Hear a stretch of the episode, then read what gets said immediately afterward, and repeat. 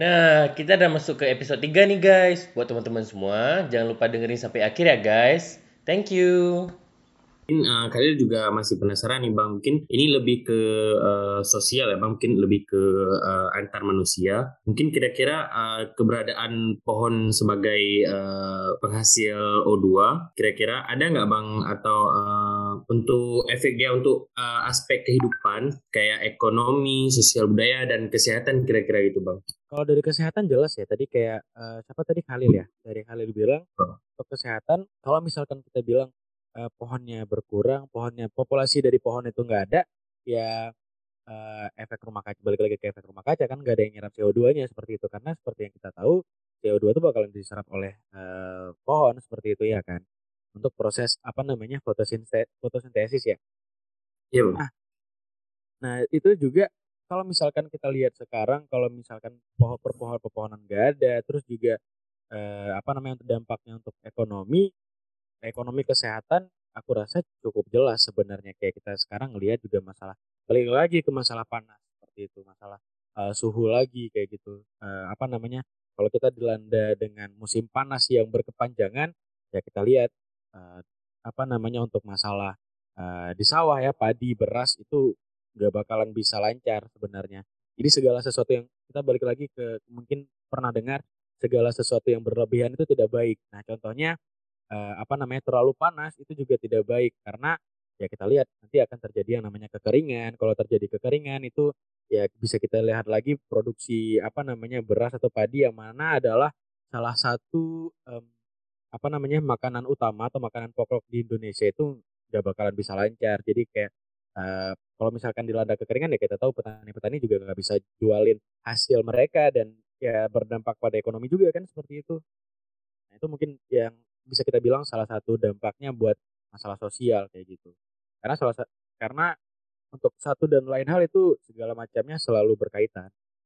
Wah, makasih nih Bang jawabannya. Kalian kalian malah ah, nggak uh, akan nyangka nih Bang efeknya sampai sejauh itu ke masyarakat. Mungkin uh, masyarakat yang belum tahu sekarang jadi makin tahu bahwa jika lingkungan ini dirusak maka efeknya tuh jauh sekali ke masyarakat yang mengakibatkan uh, efek ke ekonomi dan sosial budaya dan juga kesehatan tentunya. Nah, kalian juga mau tanya nih Bang tentang uh, mungkin uh, yang kasus akhir-akhir ini muncul tentang uh, alih fungsi area hutan jadi perkebunan kelapa sawit nih Bang.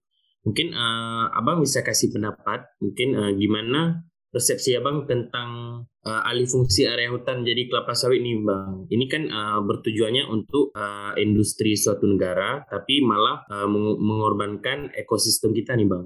Iya, balik lagi sebenarnya ke yang aku bilang tadi masalah ya sesuatu yang berlebihan itu nggak baik. Jadi uh, sekarang kalau misalkan kalian lihat di mana-mana udah perkebunan sawit ya. Sedangkan uh, apa namanya kita lihat kalau untuk masalah uh, sawit sendiri itu kita bilang menjadi apa yang namanya um, pandangan negatif dari masyarakat kayak gitu. Sebenarnya tapi aku kalau misalkan ngelihat untuk jadi aku tadi baru baru siap juga baca-baca ya di internet ya dari uh, apa namanya salah satu jurnal juga. Nah, sebenarnya per, uh, perkebunan sawit ini bukan uh, hal utama yang menyebabkan kekeringan karena kan di mana-mana uh, masalah sawit adalah masalah kekeringan kayak gitu kan.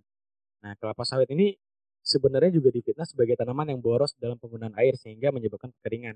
Nah, walaupun demikian itu ada salah satu penelitian dari uh, Kester tahun 38 kalau nggak salah dia itu bilang kalau misalkan tingkat evapotranspirasi yang menunjukkan kebutuhan air pada kebun sawit itu lebih rendah daripada bambu terus juga pohon pinus dan pohon karet cuman ya balik lagi yang aku bilang tadi karena uh, dia populasi perkebunan sawit ini banyak ya makanya itu salah satu hal yang dianggap negatif bagi uh, kita semua seperti itu. Karena kita bilang ya balik lagi sesuatu yang berlebihan itu tidak baik. Nah semakin banyak pohon uh, sawit yang ada pembukaan lahan pertanian untuk masalah sawit ya berarti butuh banyak air untuk pohon tersebut. Yang mana kalau misalkan pohon sawit itu banyak ya akan mengakibatkan kekeringan juga kan untuk daerah daerah yang ada di situ. Nah, untuk pembukaan lahan sebenarnya aku juga gak bisa bicara banyak juga, tapi um, kalau misalkan aku lihat dari pandangan aku ya untuk masalah perkebunan sawit, kalau misalkan bisa terkontrol dengan baik, sebenarnya nggak ada masalah. Cuman untuk saat ini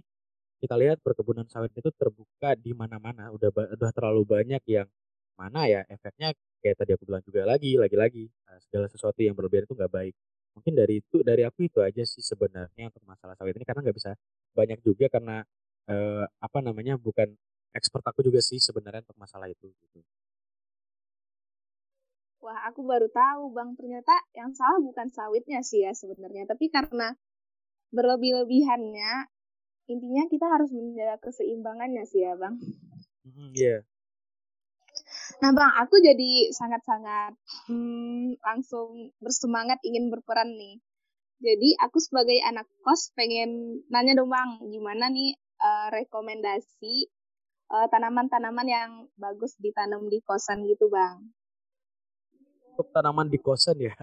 Sebenarnya uh, aku tuh kurang tahu juga ya. Maksudnya kurang kurang paham juga. Mungkin bisa dengan uh, apa namanya uh, kalau aku lihat teman-teman aku lihat dari teman-teman aku deh uh, untuk di kosan mereka. Mereka tuh banyak yang nanam kayak bunga-bungaan kemudian uh, apa namanya pohon-pohon kecil kayak yang kita bilang apa namanya yang nggak uh, terlalu besar contoh kayak ada pohon belimbing kemudian juga ada pohon mangga yang kecil itu aku juga kurang tahu sih sebenarnya namanya apa tapi mereka ada yang uh, nanam pohon seperti itu yang mungkin bisa jadi uh, untuk mereka konsumsi sendiri kayak gitu. Kalau misalkan kita di Aceh bisa dibuat jadi apa namanya asam tunti ya kalau untuk pohon belimbing itu ya pokoknya. Nah mungkin bisa dengan hal seperti itu dan mungkin yang suka-suka tanaman bisa ke apa namanya garden-garden gitu kebun gitu yang ngejual bunga-bungaan dan mungkin it, dari itu aja dulu sih. Oke, makasih bang. Nah terakhir nih bang, jadi uh, apa sih menurut abang peran yang bisa aku lakukan sebagai mahasiswa khususnya mahasiswa kedokteran nih buat membantu menjaga alam kita, Bang? Iya, jadi untuk mahasiswa ya secara umum um, kita itu banyak yang bisa kita lakukan sebenarnya. Nah, uh, yang pertama itu teman-teman bisa uh, belajar dulu, kayak tadi aku bilang belajar untuk dirinya sendiri dulu. Kita punya pengetahuan sendiri dulu tentang uh, masalah lingkungan kemudian teman-teman bisa ikutan untuk uh, apa namanya buat untuk aksinya karena tadi kita bilang kalau misalkan cuma belajar doang gak ada aksi kan ya gak ada gunanya juga kayak gitu ya gak ada gak ada dampaknya untuk orang lain sedangkan kita mau kita itu bisa memberikan dampak kepada orang lain kan nah selain belajar kemudian teman-teman juga bisa buat kegiatan-kegiatan yang mungkin bisa berdampak buat orang. Contohnya kayak sosialisasi edukasi kepada masyarakat edukasi untuk eh, bareng-bareng uh, dengan di forum kayak gitu. Atau teman-teman juga bisa buat kegiatan yang uh, istilahnya apa namanya ya kayak tadi gue bilang berdampak ke teman-teman berdampak ke orang-orang kayak gitu.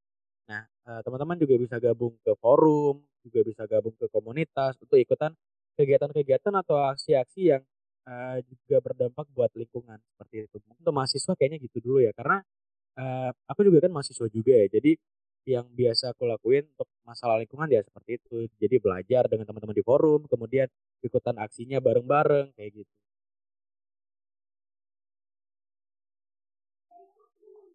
Hmm, makasih banyak bang.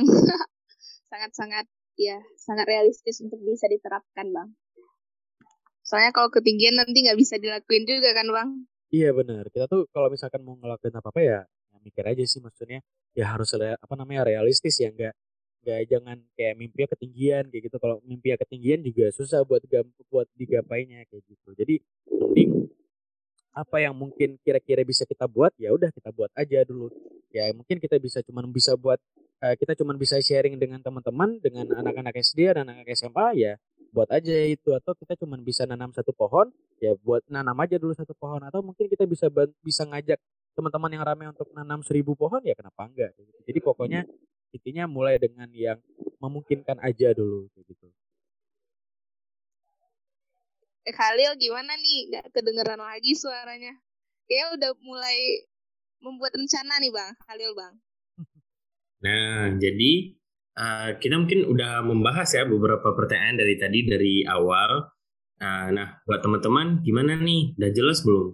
Kira-kira jelas banget ya tentang penjelasan dari uh, Bang Lutfi dan juga beberapa pertanyaan uh, yang udah terjawab nih dengan sangat baik dari uh, Khalil dan juga uh, Rahmah nih. Kalau misalnya aku masih punya pertanyaan, nanya ke mana lagi dong? Kan aku pembelajar yang baik nih, jadi nanti kalau aku kepo nanya ke mana dong Khalil? Kira-kira uh, kalau masih ada pertanyaan, bisa langsung ditanyain ke uh, Instagram uh, FK Cimsa USK nih. Atau kira kira-kira kalau masih penasaran nih bang. Mungkin uh, mau nanya tapi mau nanyanya ke Earth Hour Aceh tapi nggak tahu nih nanti uh, nanyanya ke mana. Gimana tuh bang? Uh, kalau misalkan seperti itu teman-teman uh, untuk masalah lingkungan ya kita punya banyak orang-orang uh, yang uh, ahli dalam bidangnya jadi kayak masalah pohon, masalah renewable energy, teman-teman bisa langsung aja cek nanya-nanya ke DM Instagram kita di Instagram Pertawar Aceh. Miminnya kok uh, apa namanya santai aja kok dia. Pokoknya itu kadang kadang mungkin kalau diulok-ulok sama adminnya santai aja dia memang adminnya memang suka kayak gitu sih sebenarnya. Jadi bisa DM ke Instagram kita di Earth Hour Aceh ya, teman-teman. Kadang kalau misalkan mau jumpa secara offline juga bisa, teman-teman bisa ke uh, base camp kita di Lambelagang di kantornya WWF. Jadi teman-teman bisa cari aja tuh di Google Maps uh, WWF Aceh. Wah, oh. teman-teman nggak usah bingung lagi nanti kalau mau nanya ke mana nih kira-kira. Nah, ya udah kayaknya uh, podcast kita udah siap nih. Menurut Rahma gimana nih kira-kira Rahma udah puas belum sama jawaban-jawabannya Bang Lutfi tadi? Gila puas banget sih kayaknya abangnya sudah sudah sudah sangat pakar di bidangnya. Kayak sangat-sangat mudah dimengerti gitu gak sih Lil? Kayak aku nggak perlu sangat nggak perlu berpikir keras di pagi-pagi yang sangat cerah ini. Jadi belajar santai, ngobrol santai udah dapet ilmu banyak. Iya sih, kasana ilmu pengetahuan kalian juga jadi makin bertambah. Selain nonton on the spot dan juga spotlight di TV dan dengerin jawaban Mbak Lutfi, uh, juga bikin kita jadi tambah pinter dan juga makin banyak tahu tentang isu-isu lingkungan tentunya. Benar banget. Tadi Halil juga beberapa kali flashback kan, jadi mengenang masa kecil, masa-masa SD. Ya Halil suka banget flashback ya. Pantas gagal move on.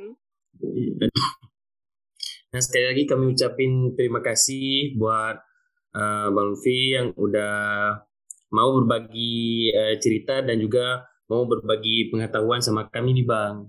Mungkin bisa kita tutup aja kali Rahma ya? Iya nih, pasti Bang Lutfi juga pada sibuk, ada kerjaan yang lain. Nah, mungkin uh, sekian aja untuk podcast kita hari ini. Kita bakal ketemu di podcast-podcast selanjutnya. Tetap di podcast Cimsa FKWSK. Terima kasih kepada teman-teman semua yang nantinya bakalan dengerin podcast di podcastnya Cimsa FKWSK. Sekian dari Khalil. Assalamualaikum warahmatullahi wabarakatuh. Nah, thank you nih buat teman-teman yang udah ngikutin podcast Tofu dari episode 1 sampai episode 3. Nantikan podcast-podcast terbaru dari Cimsa FKWSK ya guys. See you.